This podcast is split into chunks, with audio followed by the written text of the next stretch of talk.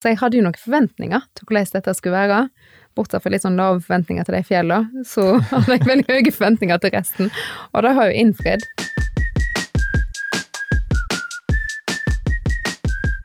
Da lytter du til Sunnhordlandpodden, en podkast der du får møte spennende personer med en eller annen tilknytning til regionen Sunnhordland. Sunnhordlandpodden vi har som mål å framsnakke regionen vår, og vi tror da at alle har behov for litt heiarop, og derfor har vi lyst til å være med og heie fram de som brenner for noe her i Sunnhordland. Denne episoden den er sponsa av Stord Anlegg, en entreprenørbedrift med moderne utstyr og kompetanse for små og store oppdrag.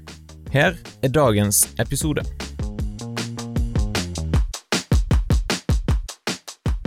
Den 1. juni 2020 så fikk Samarbeidsrådet i Sunnhordland ny daglig leder.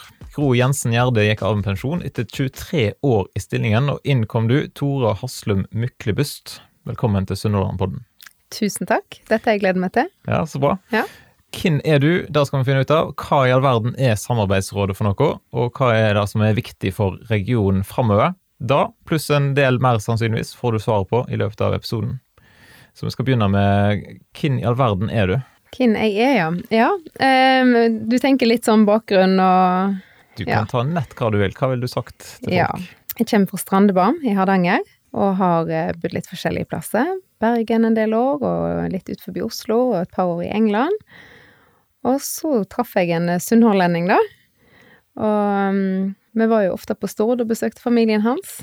Og jeg ble veldig glad i plassen, og sånn tok veien meg til, til Stord. Og når du spør hvem jeg er, så er jeg veldig glad i fjellet, så jeg hadde en bekymring da jeg skulle flytte til Stord, og da var er det liksom Hvordan er fjellet her, og skimuligheter og så videre. Så, så, så fjellet er en viktig del av min fritid. Ja, hvordan har det gått? Det har gått veldig fint. Det er jo fantastisk natur her. Stovegulvet er vel en absolutt favoritt. Eh, sånn hverdagsturen. Ja, så har sett at Av og til så drar du med deg masse kjoler på tur.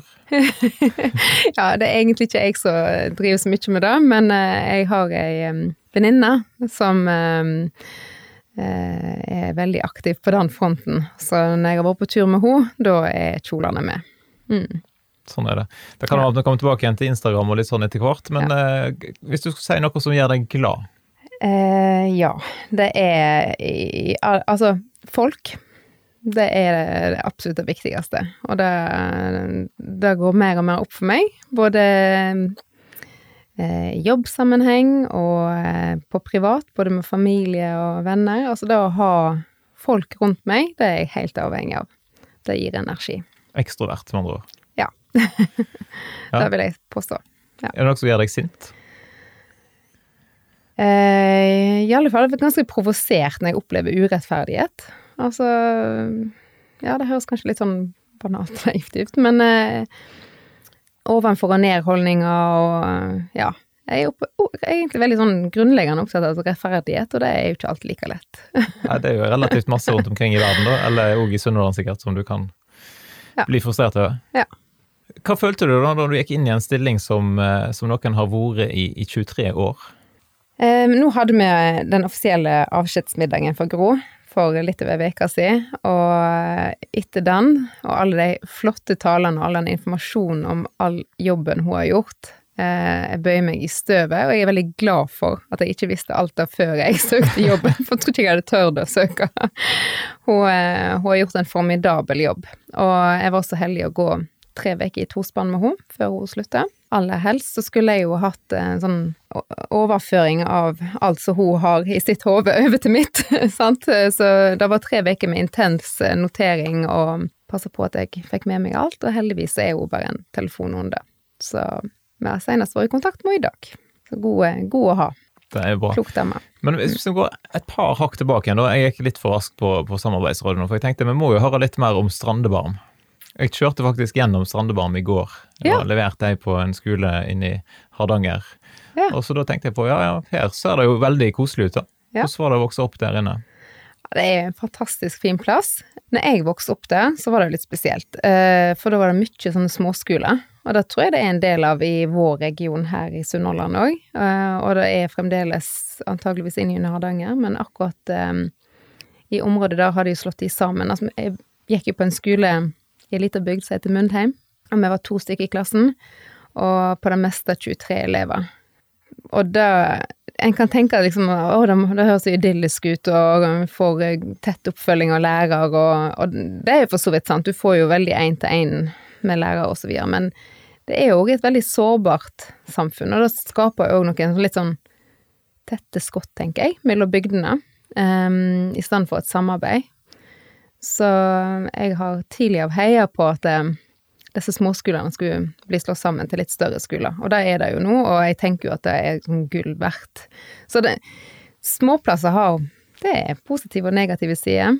Men eh, når vi flytta til Jeg flytta ut til Bergen seinere, så har jeg jo alltid savna det der eh, Kanskje det som jeg syns er finest med en liten plass, og det er jo at eh, du veit hva hvem naboen er, og naboen bryr seg. Altså er jeg på reise og, og lyset eh, og strømmen går i huset, så får jeg en telefon, og så skal vi fikse Skal vi låse oss inn og ordne opp for deg, sant, så ikke alt tiner i fryseren. Altså, det De sier Altså, du møter kjentfolk på butikken, og ja. Det, det er et annet samhold.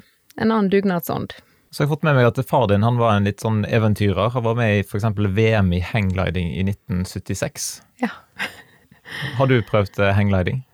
Nei, da Jeg har høydeskrekk. Eh, ikke sånn ekstrem høydeskrekk, men i hvert fall, jeg kunne aldri drive med henggliding. Og um, ja, han var jo en eventyrer, både han og, eh, og mor mi. Altså, det var jo litt sånn spesiell Hun drev ikke med da, men de drev med surfing og veldig aktiv innen skisport. Så for eksempel hver vinter ifra jeg var to til skolealder, så flytta vi og bodde på ei lita hytte på Voss. Eh, uten uten vann og do og ja. Eh, så da var det helt sånn enkle kår, og så var det da for å stå mest mulig på ski. Så, så det var jo en sånn De var eventyrere begge to. Og du har arva litt av dette her inn i fjellinteressen? Ja, jeg har beina litt mer planta på jorda. Eh, glad i både fjord og fjell, da. Så, men jeg er ikke så eh, svevende. Nei, sånn er det. Men videregående, da gikk du på i Arna? Stemmer. Hadde dere flytta Mm. helt da, eller var det liksom bare du som flytta ut når du skulle begynne på videregående? Nei, når jeg var tolv, da skilte foreldrene mine seg. Og så var det et sånn eh, avveiing, da, som eh, Altså, far min jobbet jo offshore. Og eh, så jeg var egentlig bare annenhver helg hos han, og så eh, traff mamma en ny mann, og vi valgte da å flytte til Bergen. Akkurat det året der skulle jeg begynne på ungdomsskole, så måtte jeg skifte skole uansett. Og eh, det var skummelt. Det er klart, når jeg har gått i en sånn på en sånn bitte liten skole som jeg hadde gjort, og så til Bergen, så er det en stor kontrast. Eller Bergen blir feil å si, det er Ytre Arna skole, så det er ikke Ja. Det var ikke en veldig stor skole i Bergenssammenheng, det heller, men, eh, men det gikk helt fint. Så vi hadde en sånn avtale at eh, hvis det var flere minuser enn plusser ved å flytte etter det hadde gått et år, så skulle vi flytte tilbake igjen. Men eh, kom inn i et veldig kjekt miljø. Og gode venner som jeg har den dag i dag. Så gikk du til Oslo og Høgskolen i Oslo og Akershus. Stemmer. Hva studerte du der? Industridesign. Og eh, eh, på den tida det- Hva vil det si, på en måte, industridesign? Ja, det er eh, hva skal jeg si, enkleste måten å forklare det på. Altså, det er Hvis du tar eh, mobiltelefonen, så er det ingeniøren som har eh, designa teknologien inn i, og så har industridesigneren lagt menyene og utformingen, hvordan den oppleves og bruker, da. Brukervennligheten. Og produksjonsvennligheten. Så det, det går jo mye på materialbruk og, og ja, brukeropplevelse. Og så tok du turen til Teesside. Eh, Sa jeg det rett der? Ja, Teesside. Jeg måtte ut og google for å finne ut hvordan i all verden ser det ut der. Men eh, universitetet i Teesside i England, Ja. Og der var det industridesign, eller? Ja. Saken var at eh, industridesignstudiet var kommet litt ikke kommet så langt i Norge den gangen, når jeg studerte. Og mm, sånn som det med mm, En av hovedverktøyene til en industridesigner er jo eh, 3D-program. Det å tegne produkter og designe produkter, og lage arbeidstegninger osv. Det ble gjort for hånd på skolen i Oslo. Eh, da skjønte jeg jo kjapt at det da går ikke. Det er ikke, det er ikke den jobbmarkedet som møter meg etter en studietid. Eh, Så vi hadde arrangert noen kurs eh, sjøle med studenter i feriene for å lære oss litt, og så var det egentlig å rette blikket mot England, som lå fremst den gangen på industridesign. Så da eh, fikk supplert det jeg følte jeg mangla. Var det noen kjekke år i England? Veldig Altså, hva skal jeg si? Eh, jeg, Da sier jeg si nett hvordan det var. Eh, Studiet var kjekt, eh, men eh, hadde jeg valgt om igjen, så hadde jeg jo ikke valgt Middlesbrough, det må jeg bare si. Det ligger ca. en time sør for Newcastle, og eh, gjorde litt research på, og, og i researchen så kom det studiet veldig godt ut og de har en score på ulike, så hadde jeg valgt på øverste så hadde jeg jo takka ja til studieplassen jeg fikk i London, men eh, da var jeg snusfornuftig og fant ut at det er altfor dyrt å studere og bo i London. så da ble det Middlesbrough, og det var en, en, den gangen i hvert fall en litt trist by. Så siste året da flytta jeg til Newcastle og kjøpte bil og eh, kjørte litt opp og ned til universitetet. Newcastle var en veldig kjekk by, da. Ja. Men det hadde jo kanskje vært hakket kulere i London. Jeg eh, tenker jo da at jeg var litt for fornuftig i det valget der. Jeg skulle, skulle valgt London. Mm. Så har jeg fått med meg at du har bygd din egen kajakk. Ja, du har gjort god research. Ja, ja. Eh, Det er jo, I det hele tatt er jo det imponerende å gjøre, å bygge sin egen kajakk. Så du må fortelle litt om eh, hvordan det gikk til. Ja, navnet sier jo sitt. TTT, Ting tar tid. For den eh, ble ferdig i 98, eh, altså ferdig bygd. Og da var jeg egentlig så eh, lei hele kajakken, for da hadde vi stått eh, på en kald låve, jeg og en gjeng. Der jeg var på folkehøgskole. Hadde det som et sånn tilleggsfag. Og bygd eh, hver sine kajakker gjennom vinteren. Beinkald vinter oppe i Hallingdal. Eh, og så når sommeren kom, og jeg reiste på interrail og gjorde helt andre ting, så ble kajakken med flyttelass og stua vekk, og eneste som mangla da, var at jeg skulle sette den inn med noen linolje, da, og kalk, sånn at den er tett og fin når den skal sjøsettes. Så det ble gjort for noen år siden, og han funka som bare det. Kjempe Ja, ligger fint i fjorden og god å padle. Ja, Så bare lå og godgjort seg på en Så han måte har dette. ja, ja, det er jo altså Det var jo Det var rett og slett litt pinlig å måtte lete fram e-postadressa til han eh, folkehøgskolelæreren og få oppskrifter på den blandingen som jeg skulle sette inn duken med etter så mange år. Ja, for hvordan, hvordan bygger du en sånn som det der? Ja, da er det Da har du um, uh, Vet Altså det stykket som er trestykket, eller den buen framfor magen, da går du ut i skogen i en skråning der så snøen har ligget og presser på, på trærne. Så finner du ei bue som er passer til din mage, og skjærer den til. Og så er det et treverk, da, som en varme i sånn dampovn, eller hva si, som du kan bøye det til. Og alt blir eh, knytt. Og, så det er ingen spiker, og ja. Er, og duken er sydd rundt dette skjelettet av tre, da. Så en linduk. Det er jo Så det er sånn som eskimoene bygger, bygde tradisjonelt sine kajakker. Ja. Hvor ofte er du ute og padler igjen nå, da? Ja, det blir altfor sjeldent, så nå sier jeg akkurat her, nå må vi huske å ta han med eh, til Stord, for han er leie inn i Strandebarm, eh, på hytta til mor mi og stefaren min. Så um, nå har vi jo flytta veldig nærmt sjøen her på Stord sjøl, eh, og da tenker jeg at da er jo terskelen for å komme seg ut eh, litt oftere mer tilgjengelig. Da kan du jo kombinere det med å ta bilde til Visit Sunnhordland eller et eller annet sånt Ja, det kan jeg.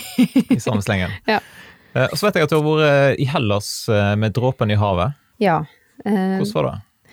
Jo, det var jo egentlig eh, veldig spesielt og fint eh, på en gang. Altså, det var Den var jo um, om haus, sensommer, høst, når flyktningene begynte å komme til Lesvos i 2015. Og dette tok seg opp, og det ble jo dramatisk eh, om vinteren der for de, med ja, egentlig helt fraværende fasiliteter. Så, så var det jo, så, så en jo kjapt at det var helt nødvendig med den type organisasjoner som Dråpen i havet. Det var de små eh, frivillige organisasjonene som egentlig håndterte situasjonen eh, konkret når de kom inn til eh, land i Hellas. Så eh, vi bestemte oss egentlig på impuls at eh, vi hadde følt den saken, at her, eh, her vil vi bidra Ikke bare i form av å reise ned, for det ja, var egentlig vanskelig å kombinere. Og, altså, ideelt sett så skulle du jo, skulle jo vært ganske lenge om gangen, sant, som frivillig arbeider på en sånn plass. Men vi ifra vi bestemte oss til vi arrangerte en auksjon, eller en sånn Dråpen i havet-kveld på um, Arena, så um, fikk vi jo inn 100 000 uh, i penger. På, så Storabuen, jeg bøyer meg i støvet, Uh, opplever en enorm sånn dugnadsånd på øya her, og folk stiller opp og ønsker å bidra. Og i tillegg så fikk vi jo et, eh, en trailer, eller en lastebil med klær og sko og ja, ull. Ull og varmeklær mm. av gårde. Så, så det var mm, Og så er det noe med at når ikke du helt har oversikten på hvordan arbeidet foregår, når ting er oppstått sånn omtrent over natta og i nød, så var det veldig bra å få komme ned konkret og se hva behovet var. Så da var det inn i flyktningleiren der, eh, og rett og slett få bestilling, og så gå og handle for de pengene. Og så gjorde vi en vurdering av de ulike organisasjonene var der, så vi ga noe av pengene til, direkte til Dråpen i havet sitt arbeid, og så var det en annen organisasjon òg som jeg nå ikke helt husker om det var Lighthouse eller Ja, det står litt stille for meg nå hva, hva den heter. Mm. Ja. Var du da sammen med Anne Beate Ulveseth Lilletvedt? Nei, jeg var ikke Nei. da med henne. Nei. Bare til de som lytter på podkasten, hvis de ville høre mer om, eh, om det, så kan de jo finne opp eh, episoden med hun mm. som, eh, som, forteller enda mer om hvordan hennes tur har vært. Ja, hun har jo vært veldig involvert i den type arbeid. ja. Men engasjerer du deg fortsatt i, i disse tingene her? Nei, ikke annet enn eh, støtte via fikk en eh, no, Altså, tante til mannen min sitter som styreleder for Dråpen i havet nå. Og eh, så av og til så henvender hun seg om, om konkrete ja, aksjoner de har som hun vil skal deles, og så videre. Men jeg ser jo at det er de som skal Altså, skal du reise og jobbe konkret i leirene der, så er det jo sånne som hun, som er helt perfekt. Hun er pensjonert, ekstremt engasjert dame, og har da tid til å være der i flere uker i slengen. Det er, det er, på en måte ikke bærekraftig reise for noen få dager. Det, ja, det er egentlig ikke greit. Yes. Men uh, du forklarte litt om hvordan du landa på Sord. Mm. Hvordan har de åra nå vært etter at dere landa her? Ja, altså jeg eh, Mannen min, da, han hadde egentlig ikke noen plan om å flytte til Stord, det må jeg nå bare presisere. Men hver gang vi svingte av E39, E39 ned mot Rommetveit og skulle hjem til hans foreldre, så ble jeg blenda av hvor fint det var her, og hvor um, liksom kjenner den følelsen av å være på en litt mindre plass og tilhøre et lokalsamfunn. Og, så jeg hadde jo noen forventninger til hvordan dette skulle være.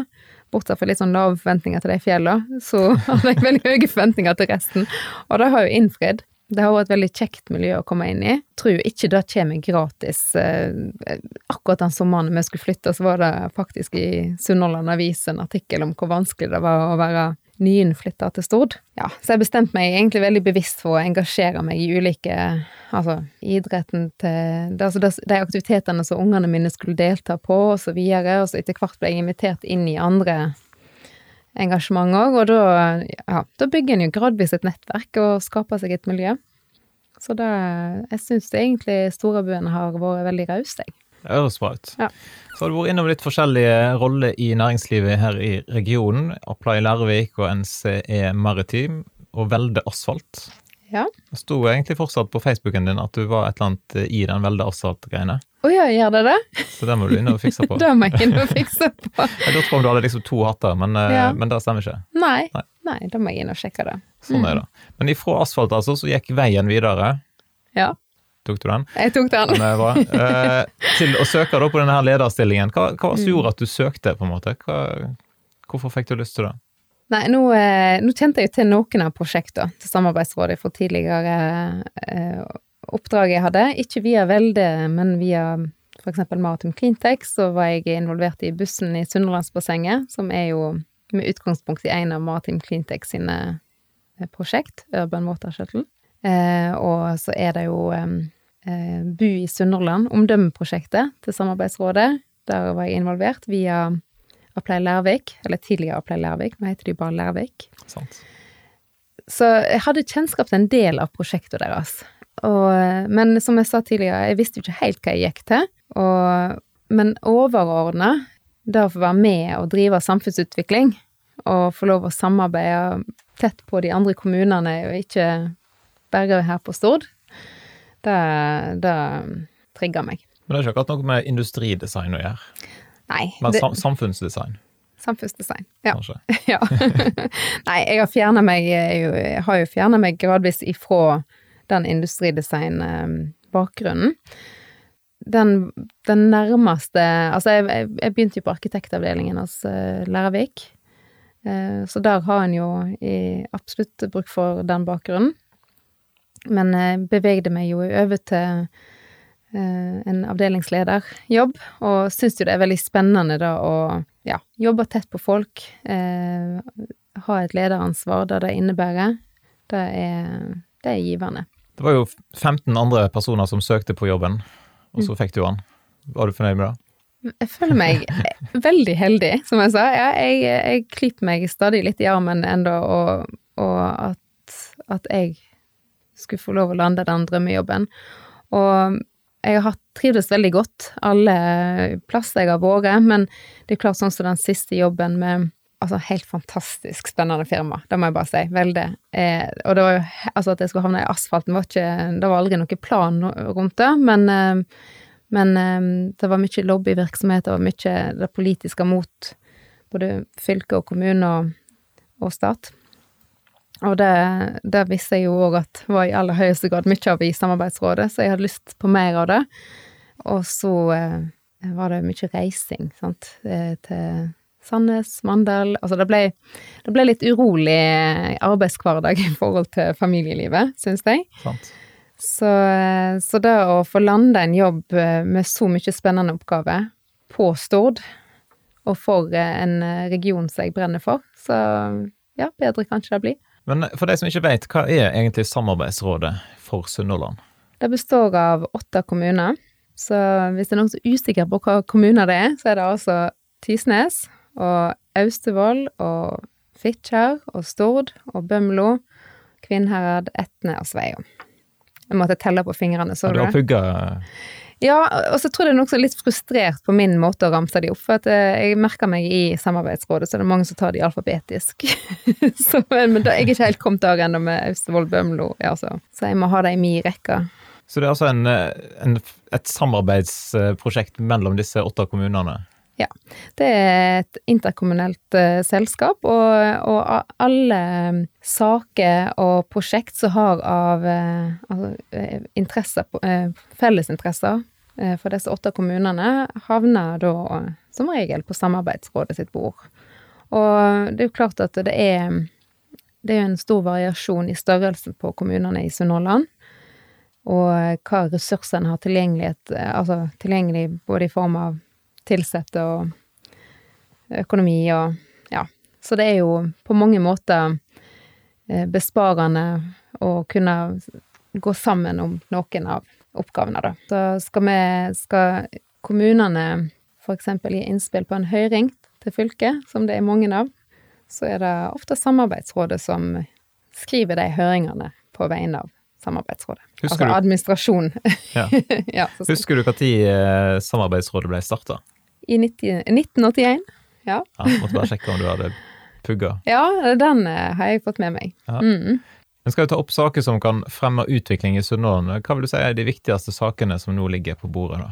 Åh, det er mange, men det er jo eh, selvfølgelig Så troner jo eh, samferdsel stadig eh, Den tar stor plass. Eh, det er eh, Ja, har et høyt fokus. Ja, da er det Hordfast og sånn, eller er det mindre prosjekt òg? Ja, Hordfast er jo eh, absolutt eh, på agendaen, men det er jo òg eh, den infrastrukturen som går på sjøveien vår, altså at vi ser på hurtigbåtene og hvordan vi kan ja, imøtekomme både behov eh, og ikke minst klimakrav framover. Har du noen tanker om, Det har vært snakk om at uh, Sunnhordland bør bytte navn, siden liksom Hordaland ikke lenger eksisterer. Har dere diskutert det? Nei, det har ikke vært diskutert. Det har det ikke. Nei? Har du noen personlige meninger? Jeg skal jeg ikke reflektert over, at det da burde vært Det kjennes helt naturlig å kalle det Sunnhordland. Um, men eh, det er et godt poeng. Det burde Det er jo det er veldig inn, eh, innbakt i oss, da, Sunnhordland. Jeg håper at den ikke bytter, for da blir det stress om jeg bytter navn på podkasten igjen, liksom. Ja. Ja, nei, Sånn altså jeg tror, jeg tror det klinger bra, jeg, altså. Jeg tror vi kan trygt beholde det. Sunn, sunn Vestlandet, det høres litt sånn rart ut. Ja. Nei, vi, tar, vi, holder oss til Sunnhordland foreløpig. Ja. Så ellers er jo selvsagt eh, Det har jo vært et taktskifte i, i turistnæringa som har merkes i år. Og der eh, Visit Sunnhordland ligger jo òg under Samarbeidsrådet. Det er jo ikke sånn i alle regionsråd at Visit, destinasjonsselskapet Visit ligger under regionsrådet, men det gjør det hos oss. Og en har jo øynene på seg på en helt ny måte i år, da. Og er jo i mye tettere dialog og kartlegging for å rigge oss til neste år. For vi kan jo allerede se at eh, alt tyder jo på at vi går en ekstraordinær sommer til neste år òg i møte, da.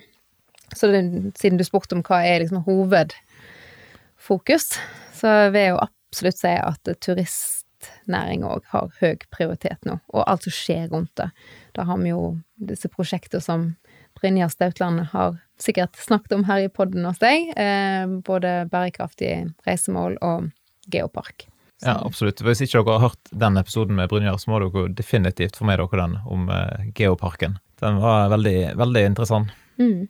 Så leste jeg på nettsiden deres at dere skal være aktive og ta del i det grønne og blå skiftet.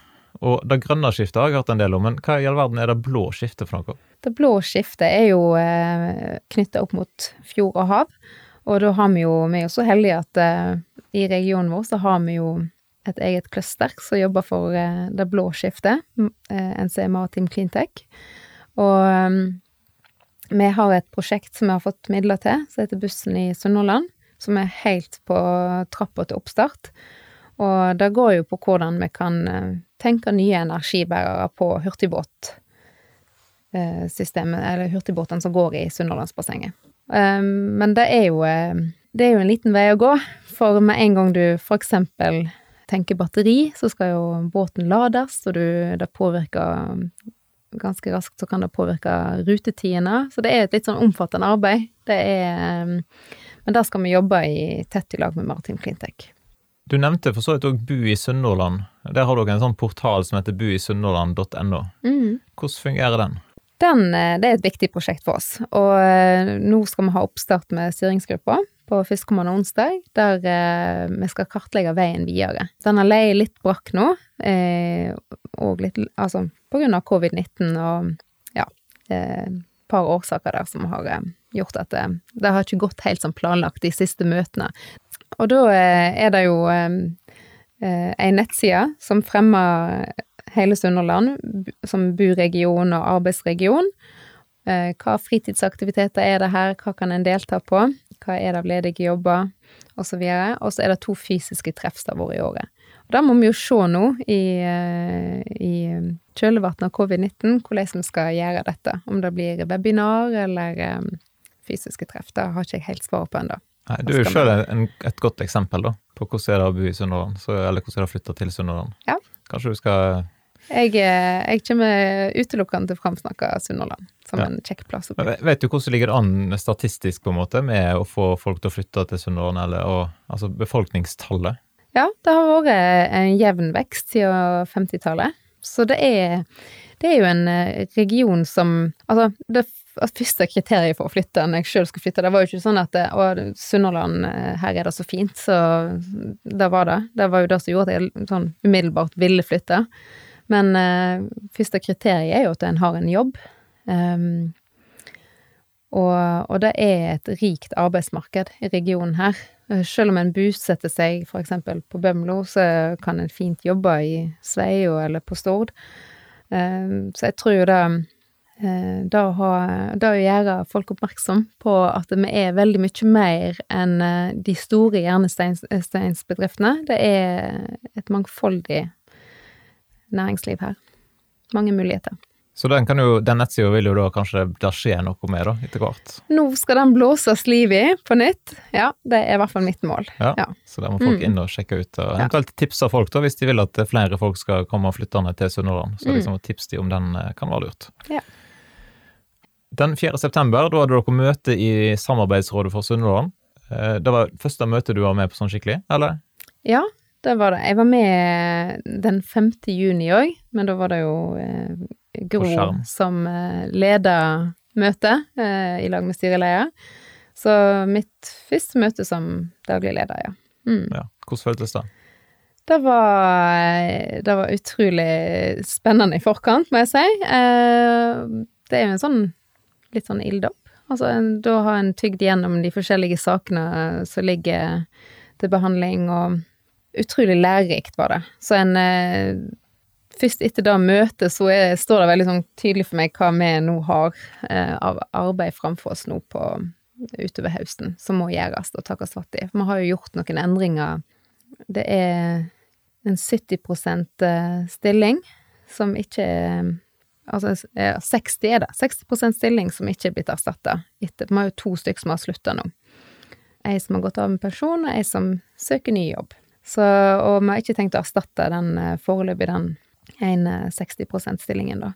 Så, så det er jo Og det er jo klart at da er det jo spennende å se hvordan en skal få den kabalen til å gå opp med reduksjon i, i eh, årsverk, og så eh, ja, må vi se det opp mot eh, strategiplanen og handlingsplanen, at, om dette her rett og slett går opp. Og så skal dere lage en ny strategiplan nå for eh, 2021 til 2024. Mm. Kommer du til å Har du noen revolusjonerende planer, liksom?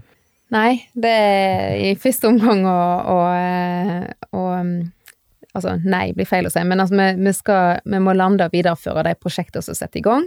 Og så må vi selvsagt se etter og være kreative på hva nye eh, prosjekt vi skal um, sikte oss inn på. Men vi har um, i all hovedsak nå så, er, så har vi en litt pressa økonomi, og vi må se, som jeg nevnte i stad, på hvordan vi skal få kabalen til å gå opp med at vi allerede har redusert antall årsverk hos oss. Mm. Ja. Ja, for hvordan er det økonomien er, Eller hva inntekt er det dere har, på en måte? Er det ja, vi har jo eh, Vi er jo eid av disse åtte kommunene, og de betaler jo per innbygger. Og så har de et fast, eller et flatt tilskudd, men det er ikke, det er ikke der hovedsummen er. Det er den summen per innbygger. Og så har vi en partnerskapsavtale med fylket, så der òg har vi en vesentlig inntekt. Og så er det prosjektinntekter på, i tillegg, da. Så alle vi som bor i Sunnhordland, vi er på en måte med og spleiser? Dere er med og spleiser. Faktisk. Dere er med og eier i Samarbeidsrådet. Ja, det er jo litt kjekt å, å tenke på. Ja. på en liten måte, iallfall. Ja. Men totalt, og hvor mange er det som er ansatt i, i Samarbeidsrådet nå? Med meg så er vi 4,8 årsverk. Og det er jo relativt store oppgaver og store prosjekter dere skal ha med. Og, så, så det er jo klart at eh, da er det en kabal som skal gå opp der. Ja. Det er, og det som ligger i Altså det er ikke bare Samarbeidsrådet. Da er det en, en eh, 100 stilling som går på reis... Altså på eh, bærekraftig reisemål og geopark. Det er jo en prosjektstilling. Og så har vi jo Visit Sunnhordland, som er eh, 1,8 årsverk. Og så har du Samarbeidsrådet, da. Som er meg og Anne, Ja, hovedsakelig. Så vi er to fulle årsverk der. ja. Er det noe nå framover som du på en måte gleder deg til? Ja, altså jeg gleder meg eh, rett og slett veldig til å ta fatt på akkurat den strategiplanen som du nevner, og handlingsplanen for neste år. Eh, for den er Altså, det er jo vår arbeidsliste som vi blir målt ut ifra, og være med og jobbe den fram ifra starten av og nå, nå hopper du egentlig, sånn som når jeg begynner nå først, begynte 1. juni, så hopper jeg jo inn i et påbegynt arbeid, og da vil det jo være neste år, prosjekt som fortsetter inn i neste år, men det er, det er noe med å være med og starte det, eh, sette, sette den strategiplanen. Det gleder jeg meg til. Tar dere imot innspill liksom, fra innbyggerne i Sunnhordland? Hvis noen som lytter nå har noen kjempegode innspill? Absolutt. Eh, det, det setter vi stor pris på. Kom med innspill. Det er helt klart. Ja. Og det har jo vært litt fascinerende i år, da, spesielt når det kommer på reiseliv, å følge Altså, vi er jo litt sånn at det vi har erfaring med sjøl, det mener vi jo ofte noe om, og alle har jo vært på ferie, og alle har reist, og alle kan jo litt reiseliv. og det Eh, og jeg, jeg forstår folk veldig godt. En blir ivrig, og en popper opp med ideer, og ja. Vi, og vi tar imot de ideene. Men det er klart at eh, det er jo ikke vi som er Altså, vi er jo et destinasjonsselskap, men så er det jo eh, eh, Og skal fremme de andre aktørene som driver med reiseliv, så det er ikke, det er ikke vi som kan eh, bygge og sette i gang eh, en ny park, eller eh, Ja. Så de, vi håper jo at det blom, blomstrer med ideer. Ja, Og så Ja. prøver dere å dra i gang denne geoparken, da. Ja, den, sånn. den er jo eh, Den blir jo litt, et litt annet prosjekt, ja. Så Geoparken er jo Altså, den, den er jo et resultat av den naturen vi bor i. Så Hvor er det folk eh, bør følge liksom, eh, Samarbeidsrådet? Er det Facebook-sida? ja. Eh, nå eh, Akkurat Samarbeidsrådet er jo ikke den som er mest aktiv verken på Facebook eller Vi er jo ikke på Instagram, vi er ikke Ja. Men der Allerede nå førstkommende fredag så skal vi i gang med å lage oss en kommunikasjonsstrategi. Jeg ønsker at vi skal være enda litt mer synlige, og det tror jeg er en opplevelse Altså et, et ønske òg fra mm, de andre aktørene, eh, som er altså både kommunene og fylket, og ja, at vi er litt mer synlige. Ja. Så, men så er det, det er jo hele tiden en balanse der, der, for at eh, vi er jo bare en Altså, vi er jo administrasjonen. Samarbeidsrådet er jo de åtte kommunene. Så det er vi skal, En skal hele tida trø litt varsomt i hva en eh. At, det, at det, er, det er en full oppslutning mot det du legger ut, da. Ja, sant. Sant? Altså det er Jeg kan jo synes og mene mye, men eh, det er til enhver tid hva de åtte kommunene mener og syns som skal fremmes. Ja. Men du har jo vært ganske god på å legge ut eh, videoer, litt sånne eh, Facebook-videoer rundt omkring. Blir det mer av det i Samarbeidsrådet framover? Det kan godt hende. Ja. Kanskje det. Ja. Muligens. ja. Får se hva strategien sier når Ja, vi er sant, det ferdig. blir jo spennende. Jeg, tenker, jeg foreslår jo litt sånn Instagram takeovers av disse ulike kommunene, at eh, ordførerne får ansvar for en Instagram-dag. Veldig godt innspill. Veldig bra. Det var Ja. Vi får se hva som skjer. Apropos Instagram, hva av de 1000 pluss bildene du har lagt ut på Instagram de siste åtte årene er du mest fornøyd med? Oi. det har jeg aldri tenkt over. Uh, nei. Det er Det er nok um, på toppen um, i Rosendalsalpene. Ja, det må det være. På ski. På ski. På ski. Det er bra. Ja. Omnatind. Så det anbefales for andre òg, Det anbefales veldig. hvis de er Så- gode på ski. Nei, altså, du trenger ikke være så veldig god på ski. Eh, nå har vi ei lita sånn eh, lukka mm, gruppe som jeg oppretta for lenge siden på Facebook, som er for toppturentusiaster i Sunnhordland og Hardanger. Så der er det bare å melde seg interesse, og så eh, får du tips. Så for, ofte så blir en litt sånn I dag eh, du kikker ut vinduet, og alt stemmer. Vær og føre og alt er tipp topp. Men så har du ingen å gå med. og da fungerer den sida. Ja. En gang til, hva har du kalt den? Topptur i Sunnhordland og Hardanger. Mm. Så det må folk søke opp hvis de vil ha. Da kan de eh, være med meg eh, i fjellet i vinter. Ja. Veldig bra. Vi ønsker iallfall veldig lykke til videre med utvikling og fremging av eh, Sunnhordland som region. Også, Takk. ja, tusen Tusen takk for at du var med i podkasten. Takk skal du ha. Takk for at du lytter til denne episoden av Sunnhordlandpodden. Og husk at episoden den var sponsa av Stord Anlegg. Ja, ei entreprenørbedrift med moderne utstyr og kompetanse for små og store oppdrag. Jeg retter en stor takk til deg. Jeg er veldig takknemlig for lokalt næringsliv som har lyst til å være med og støtte podkasten, sånn at vi kan fortsette å framsnakke regionen vår. Har du tips til hvem som bør være med i podkasten framover, ja, da er det verdt å ta kontakt. Du finner Sunnhordlandpodden både på Facebook og på Instagram. Ja, eller du kan til og med sende en e-post til kjetil.lekenelett.nett. For denne podkasten den er nemlig produsert av Kjetil Fyllingen. Og husk da, det er topp med tilbakemelding på episoden. Spesielt syns de som var med og ble intervjua at det er kjekt å få en tilbakemelding, så send de gjerne en melding med noen oppmuntrende ord. Da ønsker jeg deg en fin dag, og så poddes vi jo plutselig igjen neste torsdag.